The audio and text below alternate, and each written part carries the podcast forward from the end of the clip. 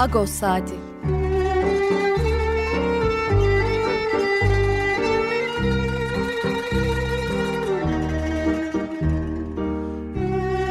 Haftalık Agos gazetesinin penceresinden Türkiye ve Dünya gündemi.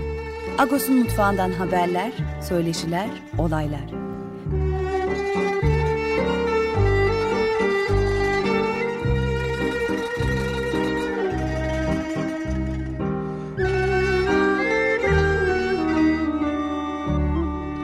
Radyo Agos.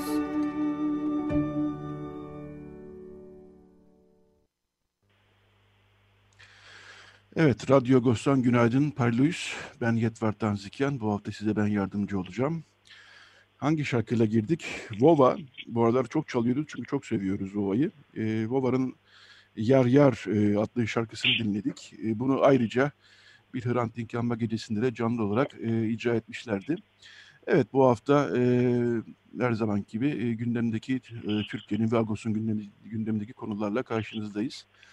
E, Agos'un bu haftaki manşeti e, Boğaziçi kayyuma direniyor idi. E, gerçekten tüm Türkiye'nin gündeminde birinci sırada Boğaziçi öğrencilerin direnişi ve onlara yönelik baskılar, karalama kampanyaları.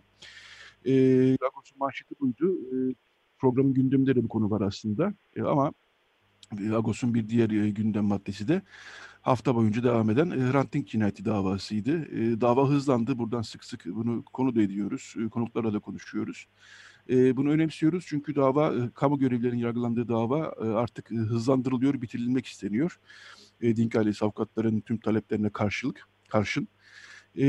Şimdi birazdan e, Hrant'ın arkadaşları grubundan Bülent Aydın zaten telefon attığımızda onunla hafta boyunca olanları konuşacağız. İkinci bölümde Sezgin Tanrıkulu, CHP milletvekili, avukat aynı zamanda. E, o hafta boyunca e, Boğaziçi öğrencilerinin e, tutuklamalarını, gözaltılarını takip ettiği adliye önlerinde e, gece sabahlara kadar. E, hem onu konuşacağız, Boğaziçi öğrencilerin maruz kaldığı yargılamaları konuşacağız. Hem de dün Osman Kavala e, hakim karşısına çıktı. E, tekrar e, yeni bir suçlama getirildi, casusluk suçlaması. E, son derece ikna edici olmayan e, suçlamalarla ve üstelik de daha önce beraat ettiği Gezi davasının e, beraat kararı da bozuldu. Ve dün iki karar, iki dava birleştirildi. Bu da ayrıca bir hukuki problem. Son bölümde de yeni bir yazı dizimiz var. Geleneklerimiz. Ee, ilk bölümünde e, Misak Ergel kaleme aldı. Musa da Ermenilerin e, yılbaşı geleneklerini yazdı. E, ona bağlanacağız. Evet şimdi Bülent Aydın'ı fazla bekletmeyelim. Hemen bağlanalım e, Bülent Aydın'a. Günaydın Bülent Aydın. Günaydın. Kolay gelsin. Teşekkürler. Seninle bir yayın daha yapıyoruz. Ee, böyle yoğun haftalarda, Hrant Dink cinayeti davasında yoğun gelişmelerin olduğu haftalarda e, gerek Hakan Bakırcıoğlu'na, avukat Hakan Bakırcıoğlu'na gerekse de sana, bağlan sana bağlanarak e, gelişmeleri de bir kez daha aktarmayı e, ümit ediyoruz. Şimdi bu hafta e, sanıkların e, savunmaları artık sona erdi. Yani bir aşama daha geçildi. E, evet. sanıklardan e, ne diyeceği merak edilenlerden e, Ramazan Akgürep ve Ali Fuat Yılmazer e, e, son savunmalarını yaptılar. Muharrem Demirkaya son savunmasını yaptı. Artık Evet ben sözü sana bırakayım. Sanıkların artık e, savunma faslı bitti herhalde değil mi? Evet e, şunu e, hemen e, söylemek istiyorum. Sen e, sunarken e, çünkü aklıma geldi tekrar. Bu bütün e, duruşmalara ilişkin bu son heyet değişikliğinden sonra yani 5. E, heyet e, şu anda duruşma davayı karara götüren ve 5. savcıdır e, bu e, mütalayı Aralık ayında mütalayı hazırlayan, yazan bu son heyet değişikliğinden itibaren dav davanın seyri daha önce de konuşmuştuk. Bir kez daha değişti. Hem içerik olarak hem şekil olarak haftada iki duruşma halinde sürmeye başladı dava Aralık ayından beri.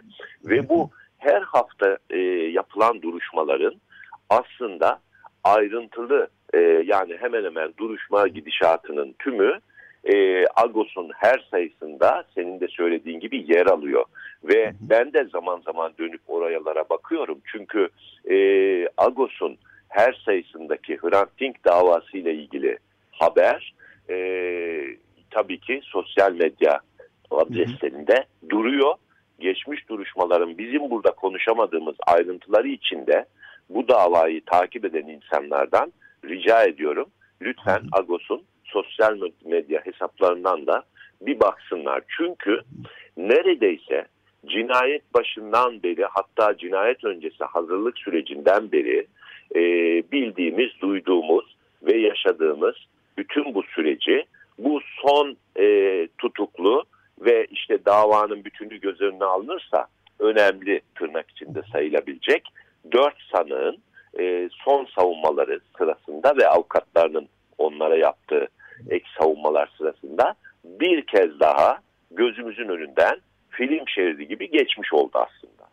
Hı hı. E, bu son dört sanık yani Ercan Gün, e, Muharrem, e, Muha, Muharrem Demirkale, Kale, Ramazan e, Ramazan Akkürek ve e, Ali Fuat e, Yılmazer e, ifadeleri sırasında özellikle son ikisi yani e, Trabzon Emniyet Müdürü cinayet e, öncesinde ve cinayet sırasında e, Emniyet İstihbarat Daire Başkanı olan Ramazan Akkürek ve e, Emniyet İstihbarat Daire Başkanlığı C Şube Müdürü olan daha sonra e, cinayetten sonra e, İstanbul'a e, tayin edilen ve istihbarat müdürü olan e, Ahmet İlhan Güler'in yerine Ali Fuat Yılmazer e, bu son ifadelerinde de daha önceki ifadelerinde yaptıkları gibi e, aslında kendilerinden başka bu davada yargılanan herkesi bir kez daha ve ciddi bir şekilde suçladılar. Çünkü e, bu sanıklar e, görevlerini yaptıklarını e, söylüyorlar ve e, Trabzon e, Trabzon'daki jandarmayı, Trabzon Emniyetini jandarmasını ve e, daha doğrusu Trabzon jandarmasını ve İstanbul Emniyetini e, suçluyorlar. Çünkü e, şeyin e, cinayet haberiyle ilgili e, istihbaratın kendileri tarafından e, veya kendilerinin onayıyla gerekli yerlere gittiğini söylüyorlar. E, buna e, ilişkin tabi e, izlerken, yani duruşmayı izlerken e, veya bu e, ifadeleri dinlerken şunu düşünmemek mümkün değil tabi. Yani tabii ki bu e, duruşmalar boyunca zaten biz bunları daha önce de konuştuk. Sanıkların içerisinde e, çok sayıda sanığın e, birbirine ilişkin çok ciddi suçlamaları oldu. E, çeşitli uzun uzun bu son ifadelerde de hafta içindeki iki duruşmadaki e, ifadede de gene uzun uzun mevzuat e, ve yönetmelik e, tartışmalarını da dinledik. Daha doğrusu ifadelerini de dinledik. Ve hatta yani şöyle bir e, e, kanaati e, düşünmeden e, geçemedim o duruşmalarda. Ya bu mevzuat meselesi e, bu davada çok konuşuldu çünkü. Çünkü bu mevzuat meselesi aynı zamanda Hrant Dink'in e, öldürülmesiyle ilgili istihbarat e, raporu ve bu raporun çeşitli yerlere gidip gelmesi sonucunda kim ne yapacak, kimin yetkisidir, kim ilk önce adım atacak, e, bunun bahanesi, bunun yapılamamasının çeşitli sanıklar açısından bahanesi olduğu gibi daha sonra e, bu uzun linç süreci ve tehdit süreci ve son e, istihbarat raporundan itibaren Hrant Dink'in yaşamını korumak için kim harekete geçecek, kim bunun için kiminle görüşecek, kim kiminle ne yazışmayı yapacak bunlar bu e, bu yönetmelik e, ve formaliteler arasında adeta kaybolmuş durumda. Ama ortada şöyle açık bir şey var ki bunu tekrar tekrar konuşma gereği bu dava boyunca zaten sürdü. Bütün bu gerekçeleri belirten e, kişiler aynı zamanda bu görevlerle yükümlü olan mekanizmaların en yetkili kişileri.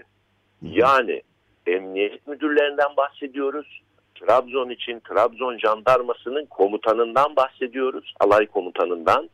Emniyet istihbarat daire başkanlarından bahsediyoruz. Öncekiler ve sonrakiler. İstanbul valisinden onu tanık olarak dinledik biliyorsunuz. Bu davada yargılanması mümkün olmadı.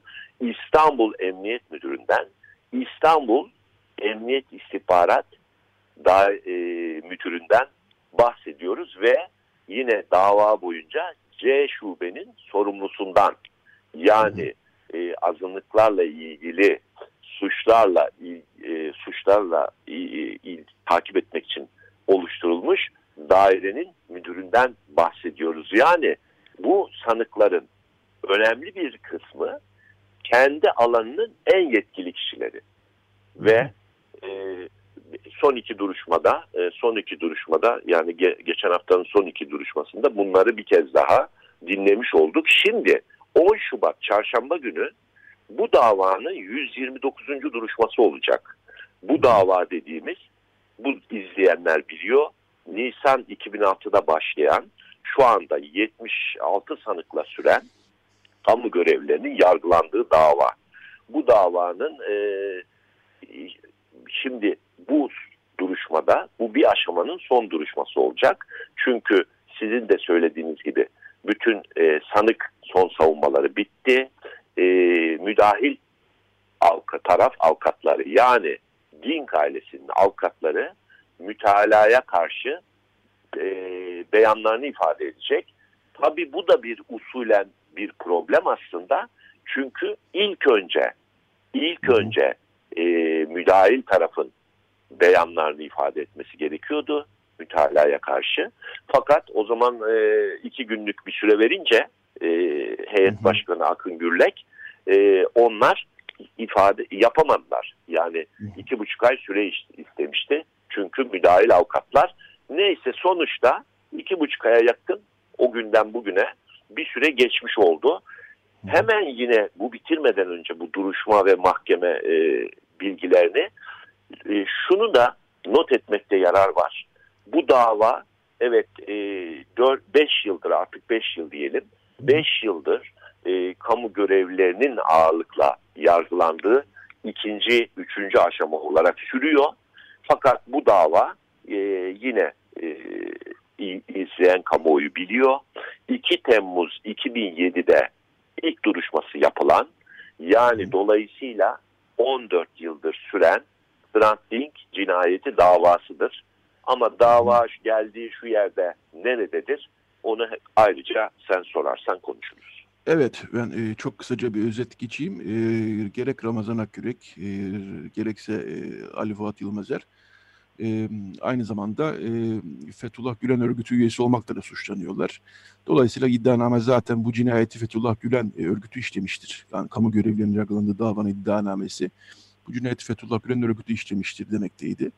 E, dolayısıyla biz e, sanıklar arasında hani şu onun söylediği daha kritik, bunun söylediği daha kritik gibi bir ayrım yapmıyoruz ama sonuçta şurada bir vaka ki e, gerek Ramazan Akgürek gerekse Ali Fuat Yılmazer'de e, kendilerinin e, sorumluluğunu e, biraz da İstanbul tarafına yönettiler ve e, peki biz e, şunları şunları e, yani kabul etmediler tabii suçlamaları ama peki İstanbul niye e, yani e, Fethullah Gülen örgütü olma, üyesi olmakla suçlanan İstanbul Emniyeti niçin e, koruma görevi almadı, koruma işini yapmadı e, diye e, sorular yönettiler ve sorumluluğun büyük oranda İstanbul Emniyetinde e, olduğunu söylediler. Dolayısıyla biz zaten baştan beri e, devletin bütün kanatlarının bu işin içinde olduğunu söylüyoruz, savunuyoruz. E, e, dolayısıyla bu yargılamalardan öne çıkan, ortaya çıkan ifadeler daha yukarı devletin bütün kanatlarının bu işe şu ya da bu şekilde e, dahil olduğunu e, ortaya koyuyor e, açıkçası.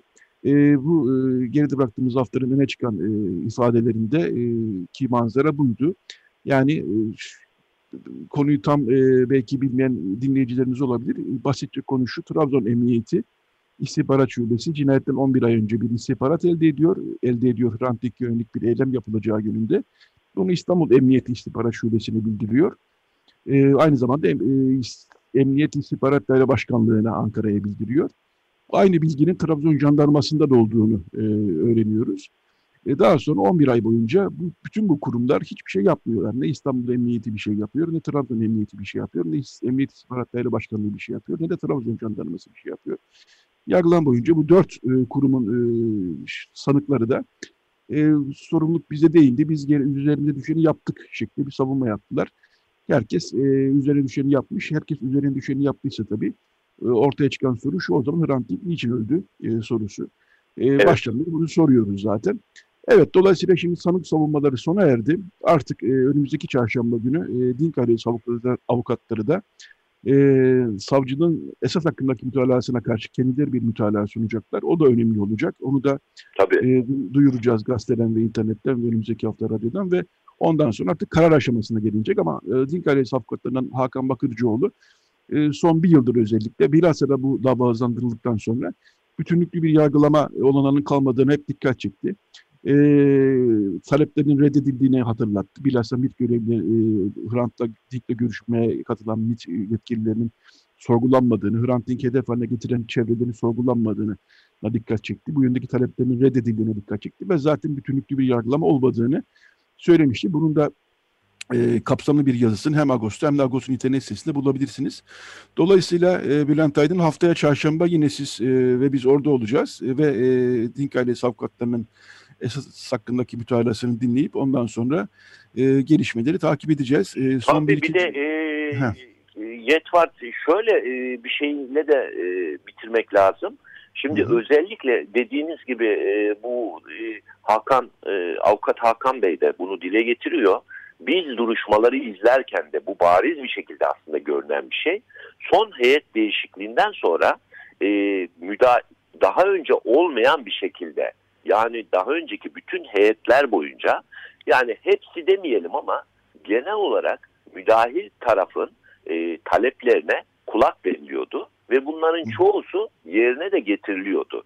Fakat bu son heyet değişikliğinden sonra adeta davanın e, kapsamını ve sınırını belirleyen bir tutum alındığını gözlüyoruz biz duruşmalar boyunca. Yani şöyle oldu. Son heyet değişikliğinden itibaren e, ısrarlı bir şekilde e, müdahil tarafın hiçbir talebi yer, yerine getirilmedi. Dolayısıyla şöyle olmuş oldu. O andan itibaren dondu zaten süreç. Yani e, süreç kesildi, soruşturma süreci, yargılama süreci kesilmiş oldu ve ondan sonra formaliteler yerine getirilip e, davanın bir an önce sonuçlanmasını hedefleyen bir sürece doğru gidildi. Yani ne demek lazım? E, bizim için, Hrant'ın arkadaşları için muhtemel sonuç ikna edici olmayacak. Bu davayı izleyen kamuoyu için öyle olacak. Evet, e, bu dediğim gibi zaten e, Dink ailesi avukatlarının taleplerinin karşılanmaması nedeniyle baştan beri zaten böyle bir soru işaretleriyle ilerleyen bir davaydı. Son fasılda yine e, bu taleplerin bir kez daha reddedilmesiyle e, üzerine e, soru işaretlerinin çok çok daha arttığı bir e, dava süreci oldu.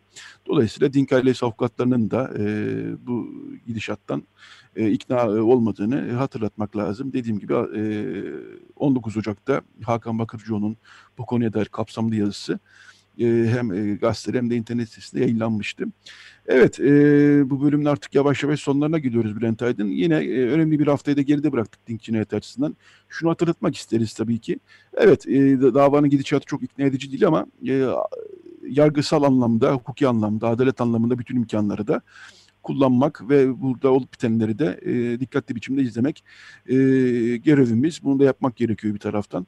Dolayısıyla sizin de e, yaptığınız iş e, kıymetli. Hrant Arkadaşları grubu olarak bütün davaları, duruşmaları takip ediyorsunuz. E, pandemiden önce zaten her duruşma öncesinde de bir basın açıklaması oluyordu. Artık duruşmalar her hafta olduğu için bunu da yapma imkanı kalmadı. Üstelik de pandemi nedeniyle ama yine davanın gidişatını hem gazete olarak hem de e, bütün dava izleyen e, sadık muhabirlerimiz de var. E, Biyanet'ten, Diken'den arkadaşlarımız da e, onları da izliyorlar. Onlara da buradan bir e, selamlayalım ve e, haftaya çarşamba, önümüzdeki çarşamba günü Çağlayan'da buluşmak üzere diyelim Bülent Aydın. Evet, kolaylık diliyorum. Buluşmak üzere. Çok teşekkürler. Hrant Arkadaşları grubundan Bülent Aydın e, telefon hattımızdaydı. E, Pazartesi ve çarşamba günkü e, din cinayeti davasında olanları konuştuk. Teşekkürler Bülent Aydın. Kolay gelsin sana. Size de kolay gelsin. Teşekkür ederim. Evet, e, şimdi Radyo Agos e, devam edecek. E, birazdan e, Sezgin Tanrıkulu ile e, bağlanacağız. Ama ondan önce bir şarkımız var. E, zaman zaman çalıyoruz. E, Cadence Ensemble. Ermeni e, halk ezgilerini e, kendilerine göre e, gayet de hoş biçimde yorumluyorlar. Onlardan yine yine bir Ermeni halk ezgisini dinleyeceğiz. Nubar Nubar'ın bir yorumunu dinleyeceğiz. Evet Kadens Ensemble daha sonra reklam arası daha sonra Radyo Agos devam edecek. Radyo Agos Evet Radyo Agos devam ediyor. Bu bölümde CHP milletvekili e, avukat, insan hakları savunucusu, eski Diyarbakır Barosu Başkanı e, Sezgin Tanrıkulu e, telefon attığımızda. Günaydın Sezgin Bey. Teşekkürler, günaydın. E, hoş İyi geldiniz hafta yayın. diliyorum bizi Teşekkürler. Hoş geldiniz yayınımıza. E, şimdi Sezgin Tanrıkulu'yla iki ayrı konu konuşacağız. E, birincisi Boğaziçi öğrencilerinin e, kötü muameleyle, e, dayakla gözaltına alınmaları, e, gözaltı e, otobüslerinde saatlerce bekletilmeleri, e, ev hapisleriyle tutuklanmalarla karşı karşıya kalmaları ve yargısal süreçlere karşı karşıya kaldıkları, maruz kaldıkları muameleleri konuşacağız. İkinci bölümünde konuşmamızın. Dün Osman Kavala davası vardı. Burada da yine Osman Kavala 3 yıl aşkın hapiste ve e, onu hapiste tutmak için yeni suçlamalar icat ediliyor. E, bunlara kalınmayıp e, Gezi dav beraat ettiği Gezi davasındaki beraat kararı da bozuldu ve yeni suçlama getirilen e, e, davayla birleştirildi. Yani dolayısıyla Gezi davasında beraat edenler de artık Osman Kavala'nın e, yargılandığı casusluk davasıyla beraber yargılanmış olacaklar gibi çok tuhaf e, bir durumla karşı karşıyayız. Hukuki anlamda hakikaten e, durum e, hiç de iyi değil. E, ama önce Boğaziçi öğrencileriyle başlayalım. Çünkü Sezgin e, Tanrıkulu hafta boyunca neredeyse her gece adliyelerde, e, vatan emniyette e, öğrencilerin durumunu takip etti. Sezgin Bey, e, gözal yani gözaltılardaki ilk e, sıkıntı dövülerek, sürüklenerek gözaltına alınmalarıydı ama iş bunun da bitmedi. E, kam, e, bekledikleri otobüslerde de kötü muameleye maruz kaldığını duyduk. E, ondan sonra beklerken e, ifade vermeyi beklerken kendilerine su yemek verilmediğini duyduk. E, aldıkları cezalar da başka bir mesele zaten. E, siz hafta boyunca nelere tanık oldunuz? Öyle başlayalım. Şöyle ifade edeyim. Yani öncelikle Boğaziçi öğrenciler, yani sadece öğrenciler değil tabii. Boğaziçi'ndeki öğretim üyeleri, çalışanlar, yani Boğaziçi'nin bütün dinamikleri kendilerine dayatılan e, bir atamaya, bir yönetim biçimine itiraz ettiler, kabul etmediler, rıza göstermediler ve bunun üzerine de barışçıl e, tepkilerini ortaya koydular. Yani hiçbir biçimde bugüne kadar e, şiddet e, ti, e, kullanan e, bir öğrenci olmadı, bir öğretim üyesi olmadı şiddeti teşvik eden herhangi bir şey olmadı. E, ve buna rağmen yani bu hakları, bu itiraz hakları, bu ifade özgürlüğü çerçevesinde değerlendirilmesi gereken e, özgürlükleri baskı altına alındı, gözaltına alındılar. E, gözaltına gerçekten alınırken, gözaltı süresinde, sonrasında doktora çıkartılırken baskı gördüler. E, kötü muameleye uğradılar. İşkence diye tanımlayabileceğimiz e, uygulamalara maruz kaldılar. Bütün bu bir aylık süre boyunca ve de, devam da ediyor ve devam da edecek gibi. Çünkü e, öyle bir şey ki yani Sayın Cumhurbaşkanı Recep Tayyip Erdoğan ve Adalet ve Kalkınma Partisi yönetimi e, alışkın değiller böyle bir itiraza. Yani e, böyle bir karşı koymaya, kabul etmemeye alışkın değiller. Bu zamandır hep bastırmışlar ama ısrarla devam eden e, haklı bir talepleri var ve bütün topluma da, bütün Türkiye'de hatta dünyaya da neredeyse örnek oldu yaratıcılığıyla aynı zamanda. E, bunu kabul etmiyorlar ve bundan korkuyorlar. O nedenle de e, sürekli hem baskı uyguluyorlar hem de en temel haklarını, en temel itiraz haklarını e, baskılamaya ve bunu terörize etmeye çalışıyorlar. E, son bir ayda olan budur. E, işte gözaltına alındılar ilk başta 46 kişi.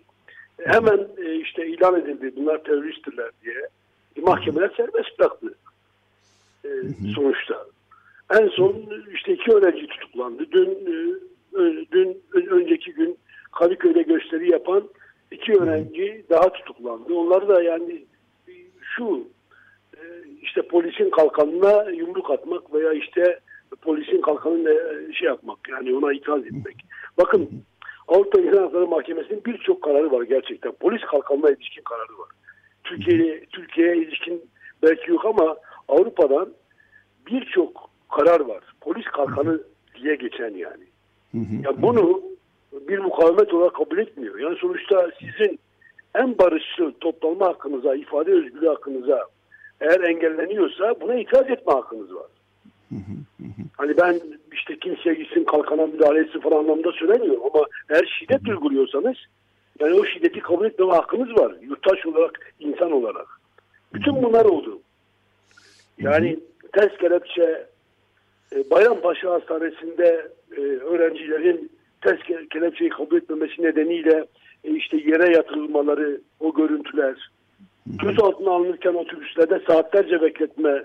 Ben bizzat e, Vatan Emniyet Müdürlüğü'nde sordum. Yani niye bunları otobüste bekletiyorsunuz Kadıköy'den gelen e, insanları, e, işte yurttaşları otobüsler içerisinde saatlerce beklettiler.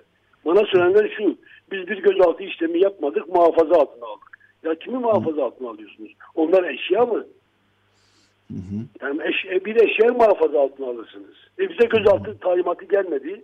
E, olay tutanağı da yok. Ne yapacağız? İşte emniyet müdürlüğünün içerisine almamız için bir gözaltı kararı lazım. Ama elimizde böyle bir savcılıktan gelen böyle bir belge yok. O yüzden otobüste bekletiyoruz. Yani bunun gibi gerçekten e, yani kabul edilemeyecek e, uygulamalar ve bu uygulamalar bütün Türkiye görüyor. Bütün Türkiye görüyor. Ama Boğaziçi'nin e, şahsında şu oldu. Yani bu çok önemli. Yani Boğaziçi'li öğrenciler öğretim üyeleri şunu gösterdiler. Ya, yani kabul etmeyin dediler bütün Türkiye'ye. Rıza göstermeyin. Eğer kabul etmiyorsanız sizin tahammüllerinize, geleneklerinize, demokratik ilkelere aykırıysa kabul etmeyin. İtiraz hakkınızı ortaya koyun. Hı hı. Mesela ee... yani bir aydır devam etmesi ve devam edecek olması aslında. Yani hem iktidarın bundan çok büyük ders çıkarması lazım. Yani bu dayatmacı politikalarından, ben yaptım olduğu politikalarından vazgeçmesi lazım. Hem de muhalefetin de çıkması lazım. Yani muhalefet öğrenci eylemidir, sırtımızı dönün dememesi lazım. Yani bu demokratik duruşla dayanışma göstermesi lazım. Hı hı. Ee, Sezgin Bey ben şunu e, sormak istiyorum bununla bağlantılı olarak. Evet bazı öğrenciler 12 saat boyunca e, otobüste bekletildik diyorlar. Birincisi böyle bir ki onun gerek e, şeyini nedeni daha doğrusu az evvel anlattınız siz. E, böyle bir neden e, ortaya koyuyorlar. Bir diğer e, konu da şu. Ee, insan hakları hukukçuları e, bilhassa Kerem Altıparmak Twitter'da bunu sık sık yazıyor. Aslında bu tutuklamaları yani tutuklamayı gerektiren suçlara değil bunlar. Yani hani çünkü bunların e, en kabadayısı bile 6 aylık e, cezası olan diyelim ki gerçek olsun bu suçlamalar. E, 6 aylık e, suçlamalar bunlar ve bunları zaten tutuklamaya gerektiren suçlar değil e, deniyor. E, siz daha yakından takip ettiniz. Yani tutuklamaya gerektirmeyen durumlarda öğrencilerin tutuklanması veyahut da bu olaya özgü sık sık ev hapsi e, kararlarına başvurulması gibi bir durumla karşı karşıya kaldık. Bilmiyorum doğru mu söylüyorum? Evet yani şöyle yani bir yıldan üç yıla kadar cezayı gerektiren suçlar var. Alt sınırı bir yıl. Yani kural olarak hakimlerin yani ileride suç sübute erse bile alt sınırdan ayrılmaması lazım. Kural olarak. Dolayısıyla bunların para cezasına dönüştürülme, hüküm açıklamasına ertelenmesi veya başka bir tedbire dönüşmesi mümkün. Bunlar öğrenci. Ee, yani daha önce herhangi bir sabıka kayıtları yok. Bir suç işlememişler. Dolayısıyla tutuklama gibi en ağır tedbire başvurmanın hiçbir koşulu yok. Ayrıca bu tedbire başvurmak amacıyla da e, yani suçun türü değiştiriliyor. E, işte emniyette e, halkın inançlarını aşağılamaktan ifadeniz alınıyor. Onun, bunun cezası 6 aydan 1 yıla kadar e, savcılığa geldiğinde savcılık bunları tutuklamaya sevk etmesi lazım. Çünkü bir yerlerden talimat öyle gelmiş, öyle bir algı yaratılmış. E, 6 aydan bir yıla kadar e, olan bir suçla ilgili tutuklama kararı veremezsiniz. Bu kez e, yani e, ifadede sorulan suç tipi değiştiriliyor. Halkı kim ve düşmanlar tarihten e, ha, hakimliğe sevk ediliyor. Bundan bir tutuklama kararı veriliyor. Yani böyle bir hukuk cambazlığı yapılarak da tutuklamanın yolu açılıyor. E, dün Kartal Adliyesi'nde yani biraz önce de ifade ettim. Yani işte polise direnme. Hı hı. Yani o, o direnmenin gerçekten bir yani şeyi yoktur. Yani e, yani tutuklamaya e, gerektiren bir olarak karşılığı şey. yoktur. İki bu suçtan tutuklama olmaz. Hı hı hı. Olmaz yani. Evet, Dolayısıyla evet. bu yolu açan yargının da en az yani bu siyasal iktidar kadar bu işlerde ortaklığı var. Ben yani sorunu siyasal iktidarın bu tutumluluğuyla beraber daha çok bir hukukçu olarak yargıda görürüm. Hı hı, Aynı hı. zamanda. Evet, e, gerçekten e, şunu da e, sormak isterim. Böyle toplumsal olaylarda yani hükümeti, e, iktidarı eleştiren e, toplumsal olaylarda polisin e, göstericilere davranışı e, neredeyse 10 e, kat daha sert oluyor. Yani bir de böyle bir durum var. E, ya bunun da ya bu 80'lerde de böyleydi. Tabii yeni bir şey değil ama e, yani darbe sonrasındaki polisi muamelesi, 90'lardaki polisi muamelesini de biliyoruz aslında ama bu artık açık açık e, sanki e, bir e, şeyle karşı karşıya gibi oluyor e, gösteri yapanlar. Bir hükümetin özel şeyiyle karşı karşıya kalmış gibi oluyor. Ne dersiniz buna? Güvenlik güçlerinin kültürü de değişti. Yani eskiden yani tırnak içerisinde söylüyorum gerçekten de yani böyle kötü muamele yapmaktan ondan sonra kötü muamele yaparken görünür olmaktan çekinen bir polis kültürü vardı. Yani kötü muamele ve işkence gizli yerlerde yapılırdı. Yapanlar kendi kimliklerini saklardı. Ama şimdi öyle bir noktaya geldik ki yani kötü muamele işkence suçları açık açık herkesin görebileceği bir biçimde ve açık kimliklerle yapılıyor. Yani bütün topluma gösterilmek isteniyor bütün bunlar. O korkunun herkesin içine sinmesi açısından. Böyle bir kültür de gelişti ve artık o devletin polisi değil doğrudan doğruya yani bu siyasal iktidarın aygıtına dönüşmüş bir e, e, polis ve güvenlik güçleri anlayışı var toplumda maalesef. Hı hı. Ee, Siz, e, yani son yıllarda gelişen de bu. Bir de bakın yani cezasızlık denen e, yani bütün iktidarların e, etrafına sarıldığı e, mevzu da e, polisleri cesaretlendiren bir yol açıyor. Dün Kavala dosyasıyla beraber takip ettiğimiz milletvekili arkadaşlarımızla berbat bir olay vardı. Yani hatırlarsınız 2017 yılında Sultan Gazi'de ehliyetsiz oldukları için işte polisten kaçan üç e, genç e, tarandı araçları. Yani terörle, şiddetle hiç alakaları yok. E, sazın e, kılıfı silah salınmış. E, yani onlarca ateş açılmış e, araçlarına. Evet. E, iki genç ölmüştü. Birisi de işte ölüme yakın bir hayat sürdürüyor. E, yani tamamen tamamen ama orantısız bir güç kullanımı var ve yaşam hakkına doğrudan müdahale var. O davayı da takip ettik. Yani bundan öncesinde de takip ediyordum. Olay anından itibaren. Dün birinci arıza mahkemesinde bakın iki, iki gencin öldüğü, bir gencin ölüme yakın bir hayat sürdüğü, ağır yaralandığı ve ölüme yakın hayat sürdüğü bir olayda dört polis memuruna verilen ceza ne biliyor musunuz? Okudum 24 ama bin lira para cezası kişi başına 24 bin lira. Bu da 24 takside bölündü. Yani bununla bakın yargının verdiği mesaj da şu aynı zamanda. Yani yaşamı, yaşam hakkına müdahalede dahi e, yargının tutumu bu. Cezasızlık. Evet, evet. Ee, hakikaten çok Bunu özellikle de göstermek istiyorlar. Yani açık yerlerde kötü muamele ve işkence yaparak e, bu düzenin e, artık böyle yürüyeceğini bütün topluma göstermek ve sindirmek istiyorlar. Nedeni bu. Yoksa işkence gibi yani gerçekten çocuklarına e, etrafına miras kalacak bir suçta bir polis memuru neden böyle açık kimliğiyle kötü muamelede bulunsun?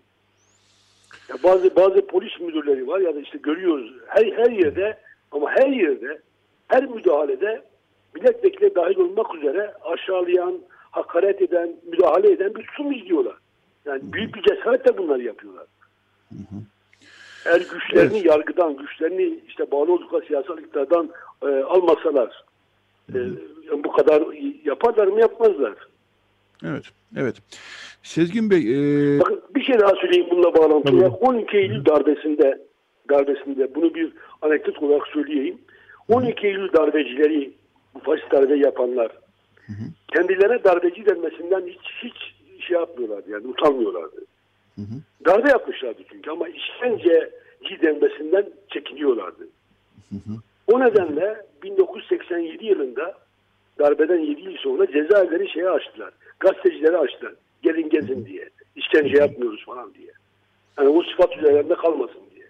Erdal Eren'in o meşhur fotoğrafı Savaş Ay'ın çektiği fotoğraf o gezidendir. Yani darbecilerin verdiği izinden sonra çekilen bir şeydir. Fotoğraftır. Onlar bile kendilerine işkenceci denmesinden rahatsızlar. Ama şimdi bu hükümet, bu, yani bunu yapanlar buna rahatsız değiller. Çünkü yurttaşları düşman olarak görüyorlar.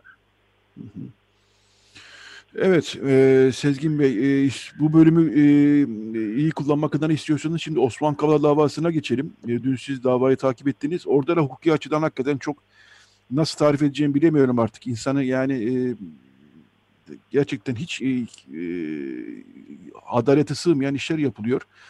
E, Osman Kavala Gezi davasından beraat etmiş ki zaten oradaki suçlamalar da çok e, ikna edici suçlamalar değildi. O üstüne bir casusluk suçlaması getirildi. Onlar da e, hakikaten ortada bir e, e, deli tutulu bir kanıt somut bir şey yok. E, fakat e, şimdi Gezi davasındaki beraat kararları bozuldu ve iki dava birleştirildi. E, neler söyleyeceksiniz? Siz e, duruşmadaydınız, e, Osman Kavala'yı dinlediniz, avukatları dinlediniz. Siz zaten baştan beri takip ediyorsunuz. Kavala dosyasına gelirsek neler söylersiniz? Ya, yani duruşmadan daha önce beni gerçekten insan olarak yaralayan başka bir durum gerçekleşti. Yani hiçbir nezaketle ve kültürümüzle bağdaşmayan başka bir olay yaşandı. Yani Sayın Cumhurbaşkanı yani zaten her duruşma öncesinde veya duruşma sırasında Osman'ı hedef gösteren, yargı etkileme, etkilemeye dönük sözler söylüyor. Her duruşma öncesinde ya grup toplantısında ya bir basın toplantısında ya bir özel demeç verirken söylüyor. Dün de cuma namazı çıkışında yine Osmanlı davasına atıfta bulundu. Yani e, ve ama daha e, berbatı e, yani sevgili hocamız Ayşe Buğra ile ilgili olarak gerçekten kabul edilemez. Hı hı. Bütün yani kültürümüze ve nezaket kurallarına aykırı e, kavramlar kullandı. Yani Türkiye'nin en saygın iktisatçılardan birisiyle ilgili olarak e, hedef gösterdi kendisini de. E, hı hı. Yani ben Ayşe hocamın yanındaydım e, dün e, basın toplantısı yaparken de yani bir cümle söylemek zorunda kaldılar. Yani artık içinde kalmasın diye bunu da söylemek zorunda kaldı. Bilinsin dedi. Kayıtlara geçsin diye söyledi herhalde. Çünkü basınla e, işte bu olay nedeniyle işi nedeniyle Osmanlı'la ilgili olarak çok böyle e, karşı karşıya gelmez. Acısını kendi içinde daha çok yaşamaya çalışır ve hiçbir zaman da sükunetini kaybetmemeye özen gösterir. Ama dün kayıtlara geçsin diye bir iki cümle söyledi. E, yani kendisine göre ağır sözler söyledi. Ee, yani şeyin davanın bu noktaya gelmiş olması, Sayın Cumhurbaşkanı'nın bu davayı e, yani böyle kişiselleştirilmesi, e, ondan sonra başka bir hasmane ortama çekmesi, kendisinin hiçbir zaman kabul etmediği işte ailenin bazı işlere karıştırılması noktasından uzaklaşıp e, Ayşe Hoca'yı, Ayşe Buğra Hoca'yı hedef göstermesi beni en az dava kadar yaralayan bir olay olmuştur. Dün itibariyle söylüyorum. Hepimizi, hepimizi. Evet, evet. yani bunu özellikle söylemek lazım. Ee, duruşmayla ilgili olarak da şu, yani Osman Kavala'nın duruşmasından önce veya hemen sonra yargı mutlaka Osman Kavala'nın hapiste kalması için bir atraksiyon geliştirdi bugüne kadar.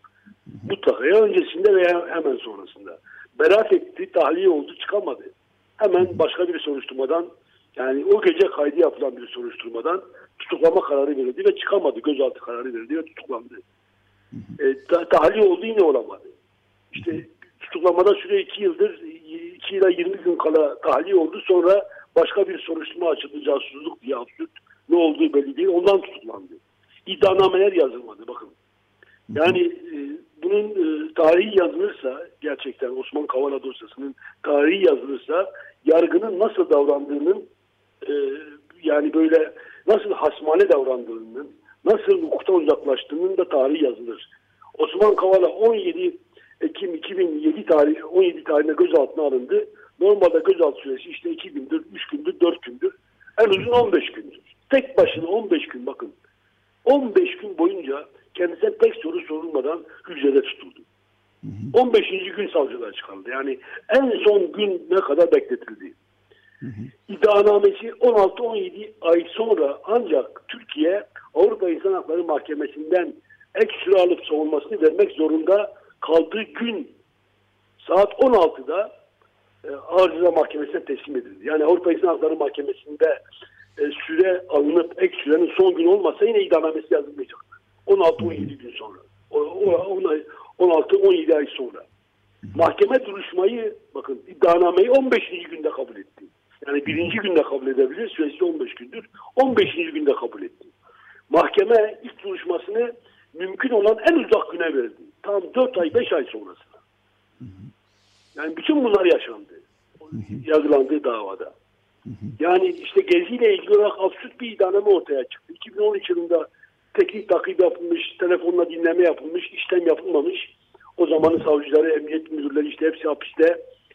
Tüm hapisteye de kaçmışlar, gitmişler. 2016-2017 yılında bir savcı çıkmış. Ben o zaman hukuka aykırı olan bu delilleri kıymetlendirin deyip kıymetlendirdin deyip bir iddianame yazmış. Şimdi yani tam duruşma öncesinde İstinaf Mahkemesi duruşma tarihini de biliyor tabii. Yargılacağı tarihi de biliyor. Gezi ile ilgili bozma kararı veriyor ve diyor ki Osman Kavala bu davasını bunu da birleştir. Yani nereden biliyorsa Osman Kavala'nın yani kural olarak bilmemesi lazım evrak üzerinde. Ama işte o yapı üzerinden gidiyor Osman'ın başka yargılandığı davalar var. Bu, bu davalar tek başına yargılanıyor. Hemen bitebilir. Delillerin çoğu toplanmış. Eksik bir delil yok. Toplanacak bir delil yok. E bunu Gezi davasına birleştirelim, bozalım. O davada istediği kadar uzasın Osman Kavala hapiste kalsın. Neden bunlar yapılıyor biliyor musunuz?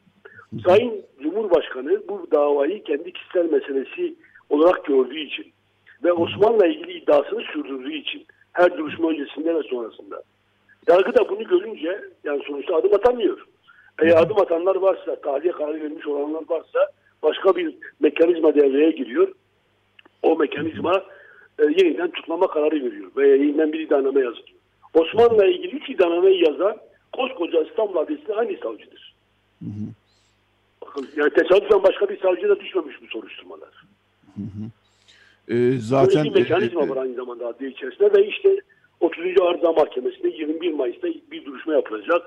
Osman 39 aydır hapiste. işte 3 ay daha geçecek. Ee, 42 ay. Yani hiçbir iddia yok bakın gerçekten. Bir de Avrupa İnsan Hakları Mahkemesi kararı var.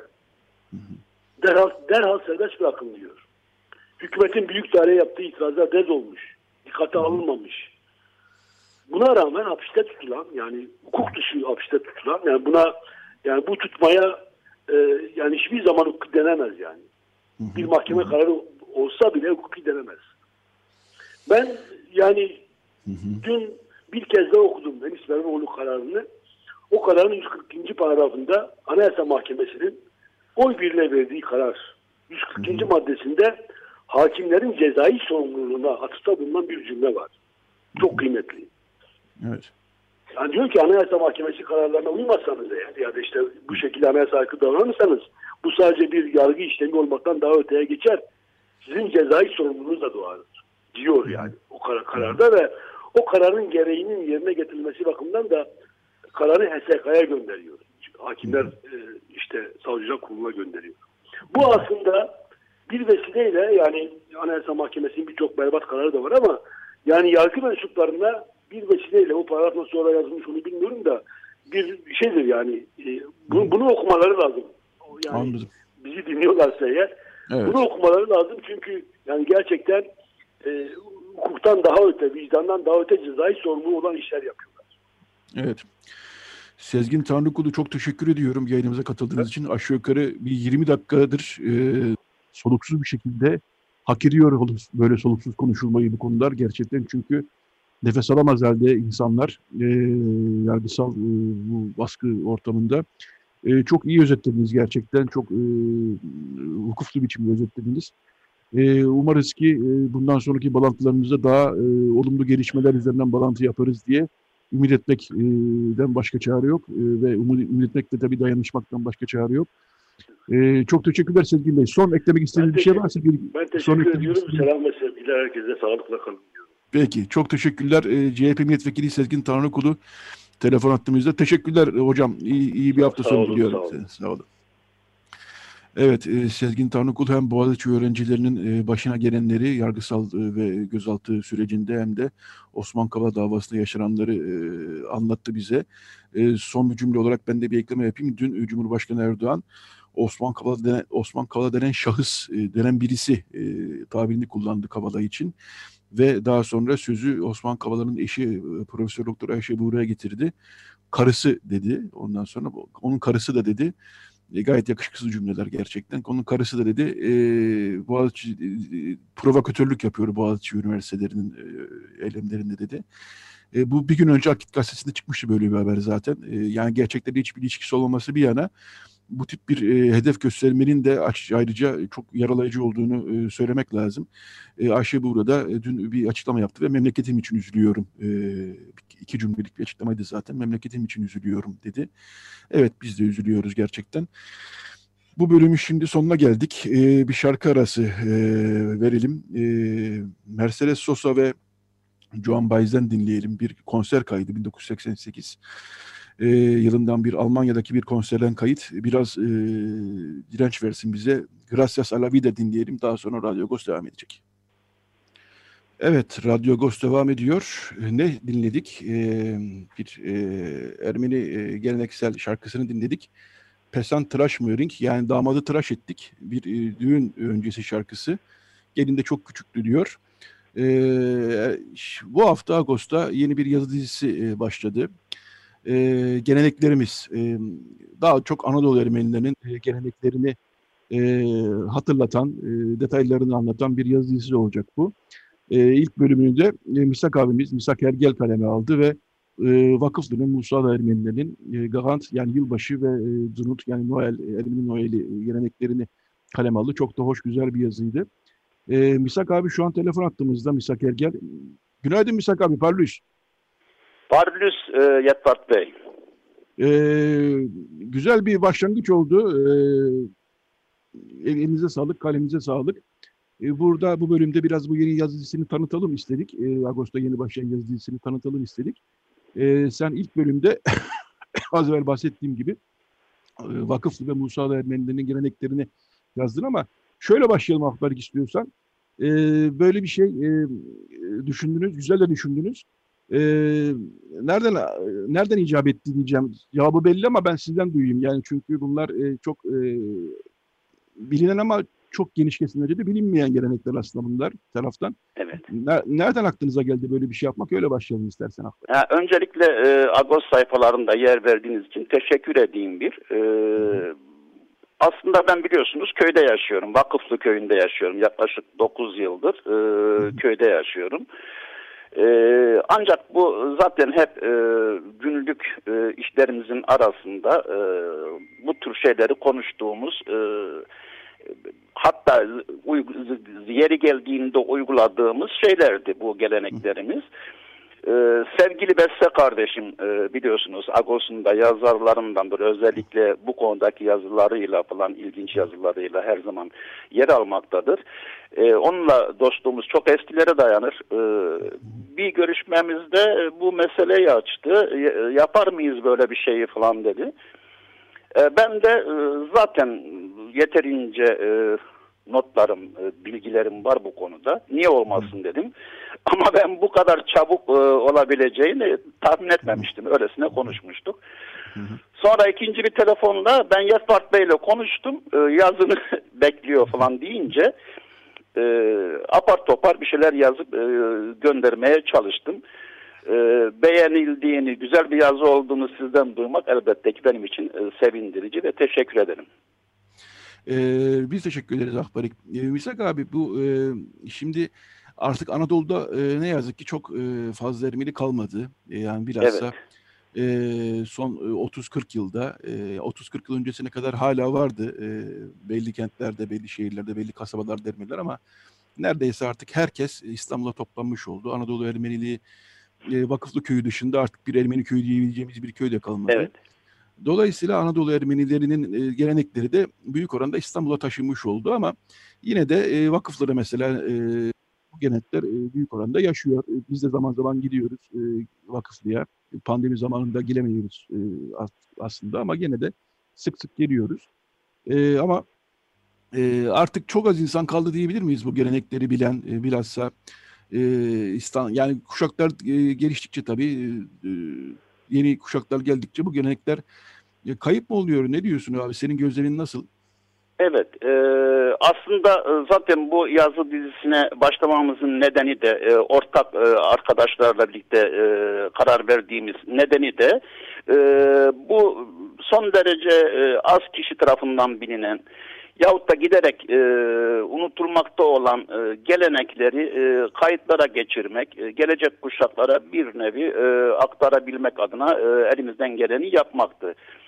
Şimdi e, az önce de söyledim ben Vakıflı köyünde yaşıyorum yaklaşık 9 yıldır. E, tekrar e, doğduğum yere döndüm. E, İstanbul'un e, kalabalığından, karmaşasından uzakta. E, şöyle bir şey var. Evet dediğiniz gibi Vakıflı köy işte adı üzerinde medyanın meşhur klişesiyle Türkiye'nin tek Ermeni köyü. Ee, biz bunu aslında tek Ermeni köyü yerine son Ermeni köyü olarak kullanmayı daha yeğliyoruz e, malum Hı. nedenlerle.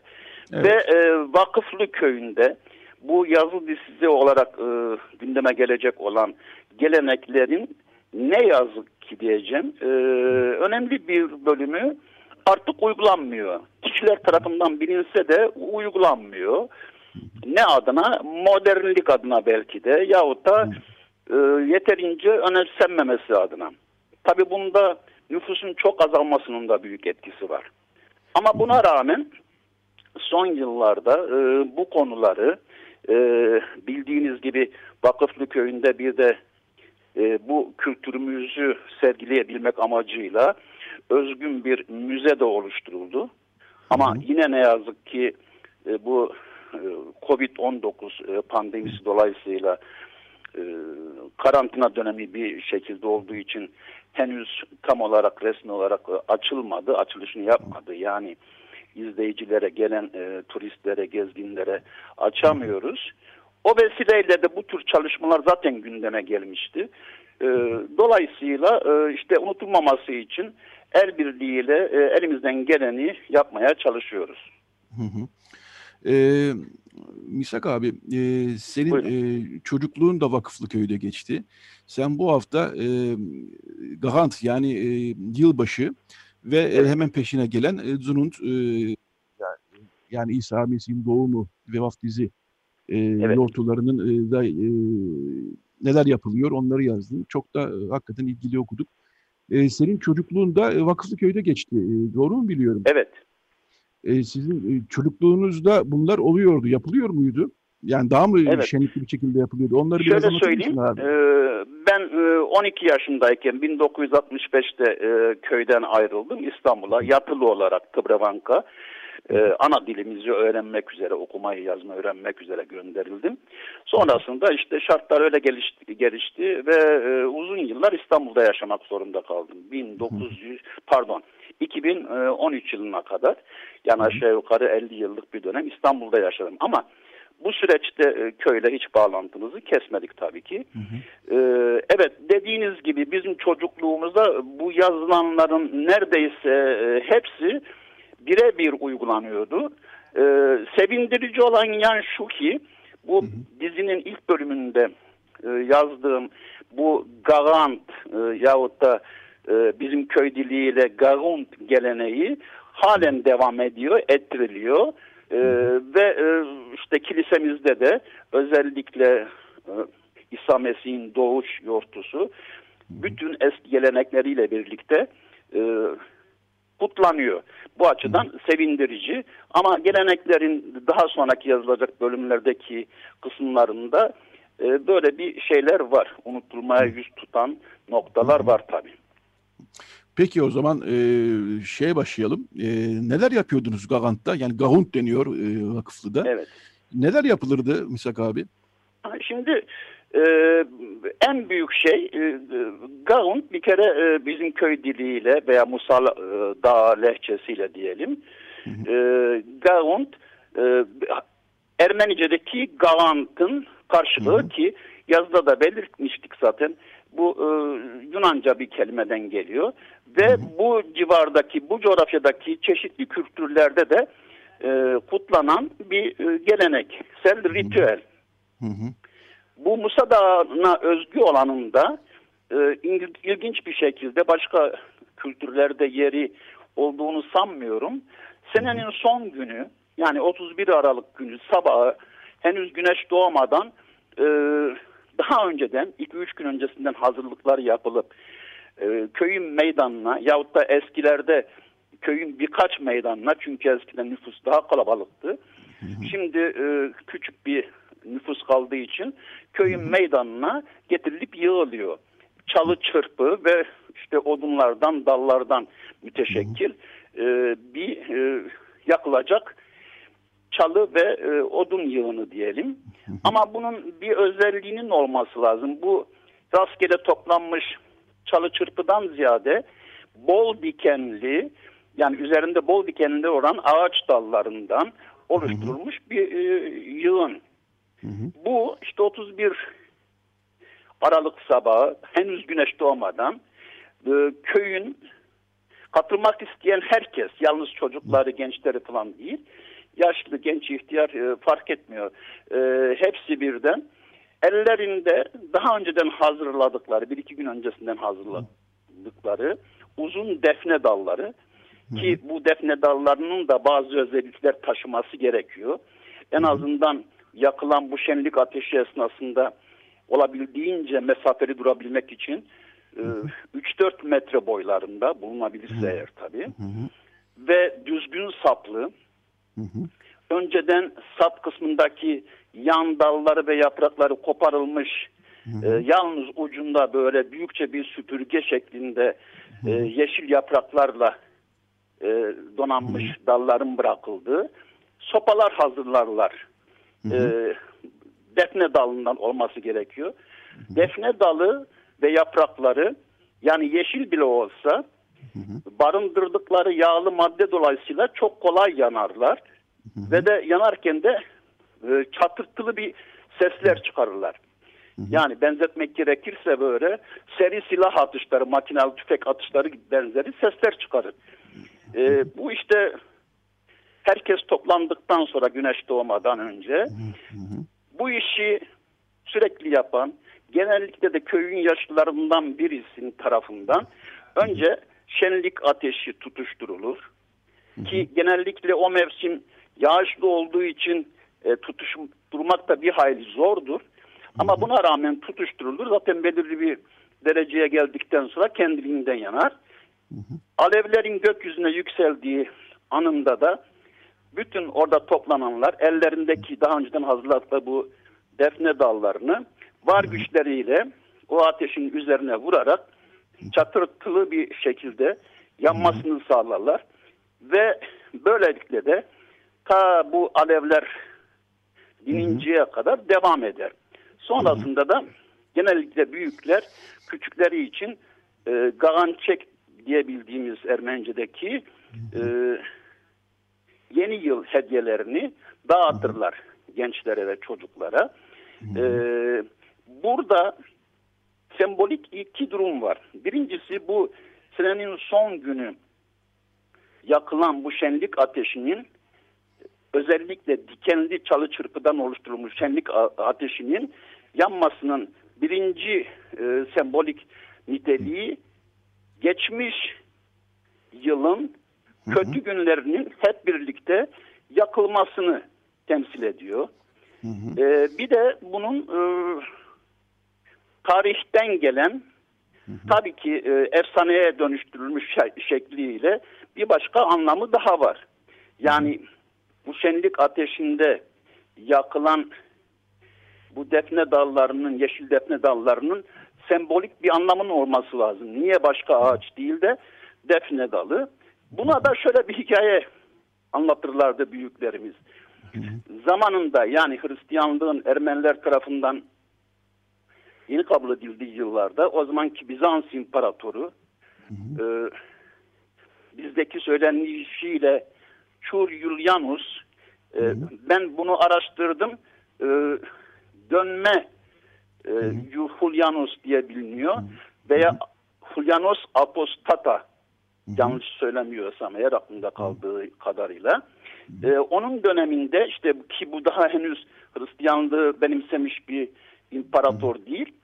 E, Hristiyanlığı benimseyen Ermenilere e, şey yapıyor yani büyük e, saldırılarda bulunuyor. Hatta böyle rivayete göre işte bir e, yığın ot bir ot yığını e, yaptırıp elçisiyle birlikte Ermeni e, kralına gönderiyor. Yani sizler hayvansınız, size e, ot yemek yakışır türünden. E, bunun üzerine de Ermeni kralı ve beyleri toplanıyorlar. Buna nasıl bir diplomatik cevap verelim diye uzun uzun tartışıyorlar. Ve neticede e, üzerinde Hazreti İsa'nın tasvirinin bulunduğu büyükçe bir ekmek yapılıyor.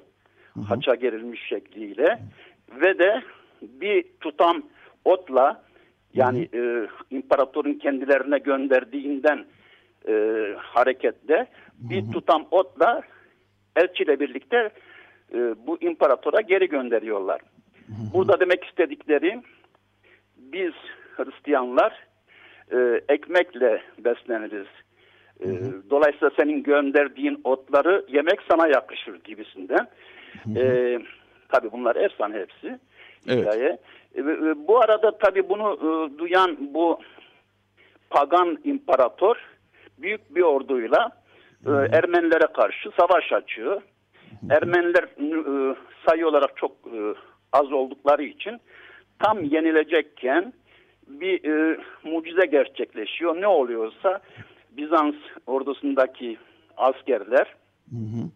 tabi Hristiyan olmayanlar işte o zaman için geri kaçışıyorlar. Neticede Ermeniler bu e, Çur Julianus dediğimiz imparatoru yakalayıp esir alıyorlar. Sonra büyük bir ateşte yakıyorlar. E, Gel, şeye efsaneye göre. Bu arada da üzerine defne dalları, taze defne dalları atılıyor. Bu onun daha önceden öngördüğü e, zaferin e, zafere gönderme yapmak üzere. Yani sen Ermenileri yok edecektin, Hristiyanları yok edecektin, zafer kazanacaktın. Bunun için bize savaş açtın. Ama görüldüğü gibi biz kazandık savaşı. İşte bu zafer e, tacında bulunan defneleri de sana hediye ediyoruz gibisinden. E, bu defne dallarının seçilmesinin de böyle e, efsanevi bir hikayesi var. Evet. Evet, e, Anadolu e, halklarının e, efsaneleri, gelenekleri e, çok e, kök eskilere dayanıyor, kökleri çok eskilere dayanıyor. Dolayısıyla bu yazı dizisinin de e, bütün bu e, artık e, Anadolu'da kalmamış Ermeni halkının e, geleneklerini tekrar yeni kuşaklara e, tanıtmasını e, ümit ediyoruz. E, bu toprakların e, uzun ve kadim tarihinden örnekler vermesini ümit ediyoruz ki öyle de olacak. E, ilk bölüm. Şimdi sadece Ağant'ı konuştuk. Zununtu konuşmaya vakit kalmadı Misak abi. Onu Ha, da zaten e, pardon ben hemen e, müdahale ettiğim Evet. gibi e, Zunut'ta zaten e, ağırlıklı olarak dini ritüeller e, İstanbul'daki Evet. kiliselerde de veya bütün dünyanın Ermeni kiliselerinde gerçekleştirilen benzer e, ayinler falan yapılır. E, ama ilave olarak bizim işte e, haçın sudan çıkarılması diye e, tabir edilen e, ve e, Hazreti İsa'nın vaftizini simgeleyen olayda e, bir açık arttırma yapılırdı. Yani haçı sudan kim çıkaracak? Eskiler için konuşuyorum tabii eski dönemler için. Bu bir e, çekişmeye vesile olurdu. Tatlı bir çekişmeye vesile olurdu. En fazla parayı e, e, teklif eden kendi ailesinden bir çocuğun e, suyun haç haçın sudan çıkarılmasını e, sağlardı ve o e, sembolik olarak Hazreti İsa'nın gınkı hayrı yani vaftiz babası olmuş olurdu. E, şimdilerde pek uygulanmıyor. Daha doğrusu gelenek uygulanıyor ama o açık arttırma uygulanmıyor. Çünkü zaten köyün nüfusu bildiğiniz gibi son Evet. derece az. Yani Doğru. bu çekişmeye vesile olacak bir nüfus yapısı maalesef yok artık. Maalesef yok. Evet, e, Misak Ergel e, çok teşekkür ediyorum. Misak abi vakıfla da yaşıyor e, ve e, Agos'un yeni yazısı geleneklerimizin ilk bölümünü kaleme aldı. Çok teşekkürler Misak Ergel. Çok e, kıymetli bir sohbet oldu. Ağzınıza sağlık. E, Ben teşekkür ederim e, sevgili Yetvat Bey. E, dediğim gibi Ağustos'ta bize e, yer ayırdığınız için bu gelenekleri yazma olanağı sağladığınız için ayrıca teşekkür ediyorum. E, iyi yayınlar diliyorum size. Sağ olun, sağ olun. Çok teşekkürler. Eksik olmayın. Evet, böylece e, iyi günler. E, böylece Radyo Agos'un bu hafta da sonuna geldik. E, kapatırken yine her zamanki gibi bir şarkıyla kapatacağız. E, önümüzdeki çarşamba günü Hrant Dink cinayeti davası devam edecek. Bunu aktaralım. E, evet, aşağı yukarı gazetenin içeriğinden de bahsettik. E, ve dolayısıyla Bishop Ensemble e, bizim yine sevdiğimiz gruplardan bir tanesi. Ermenistan'da kurulu bir grup. E, ondan bir şarkı dinleyeceğiz. E, Rejide bize Andrei Gritsku yardımcı oldu. E, evet, Radyo Agos'tan bu haftalık bu kadar. Haftaya e, buluşmak üzere diyoruz. Herkese iyi bir hafta sonu diliyoruz ve Bishop Ensemble'dan Anuşka ile veda ediyoruz.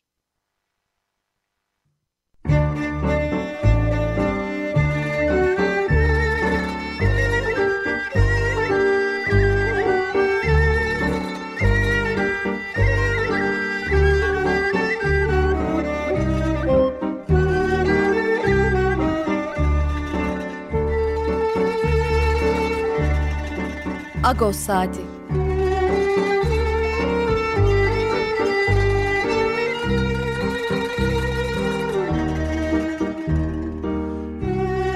Haftalık Agos gazetesinin penceresinden Türkiye ve dünya gündemi. Agos'un mutfağından haberler, söyleşiler, olaylar.